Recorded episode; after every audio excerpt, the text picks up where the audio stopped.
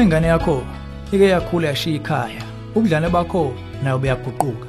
Awubusaba ngumzali njengoba kwejwayelekile manje kumele kube kanjani enganeni ekhetha ukubuya ekhaya? Esindala? Kulolu hlelo lezomndeni sizoletha amaphuzu aphathekayo okukusiza hlala ungasuki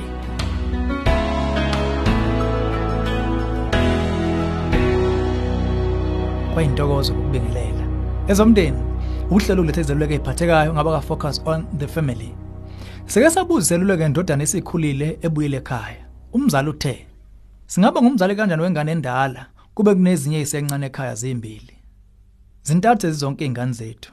Umfana nentombazana sise high school nendodana ke lesiphakathi kweminyaka o20 kuya phezulu.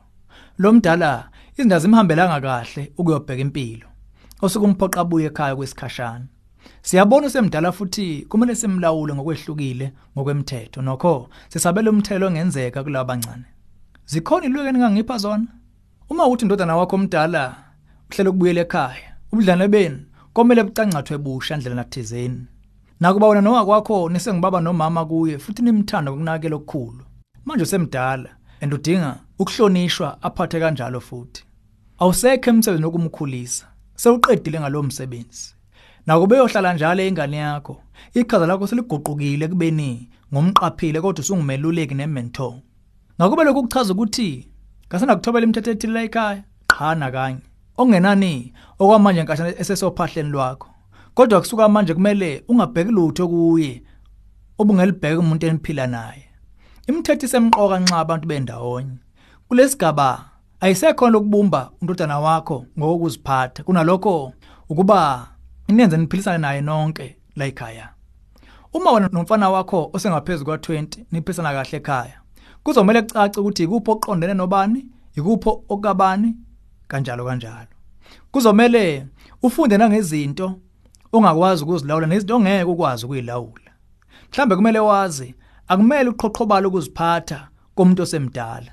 Akusekho ukuthi dodana ngeke ngivumele uphuze noma ubheme. Ngolunye ohlangothi Usengakhetha ukwenza ikhala lakho lingabi isidleke sogwayi. Umuzi wakho phela lo uqonde nawe ngqo. Nenqumo ngezakho nazo. Inqobo lapha ingokuveza ilungelo lakho lobunikazi nokudedisa ichaos. Kuye nokuvela amalunga amanye omndeni la ekhaya. Kumele wonke umuntu aphile ekhaya ngomthetho wokugcina ikhaya lihlanzekile. Futhi uma kwakuvela ukuthi indoda nomdala nawe uzoba neqhaza ngezeyimali la ekhaya. Ungavumi egcina ngasakwenzi lokho. Yenza isivumelwano ngisho ngasibhala phansi Uma undodana wakho esekhule engayithobela emithetho, ukhulekile ukuyocinga enye indawo yokuhlala amayihlelo umthetho wakho la ekhaya. Ngakube lokhu kuyoba nomthelo ongemuhle kuma teenager akho amabili, asibone ke ukuthi kungani kumele kube njalo. Ukhiyelana ukuhlonisa phakathi kwabancane nabadala. Ngokwempilo entsha la ekhaya, ungabachazela kungani imithetho ingafani ncimishi neyomfabo semdala. Khona lapho ubatshela kuba isikhathi siyashoshela la khona kuzomela babhekane nomthwalo wokuyiphatha ofanelekile kwabakufundiswayo. Njengama teenager kumele babe besondela ekuyiphatheni okuhle ngokwabo. Asingabazi ukuthi sewutholela ukuthi teenager ayilula njengalowo semdala. Lolu hlelo ezomndeni ulethulelwe yi-focus on the family sihlangabezwa hlelo luzayo sisihlabelisa phambili umndeni wakho.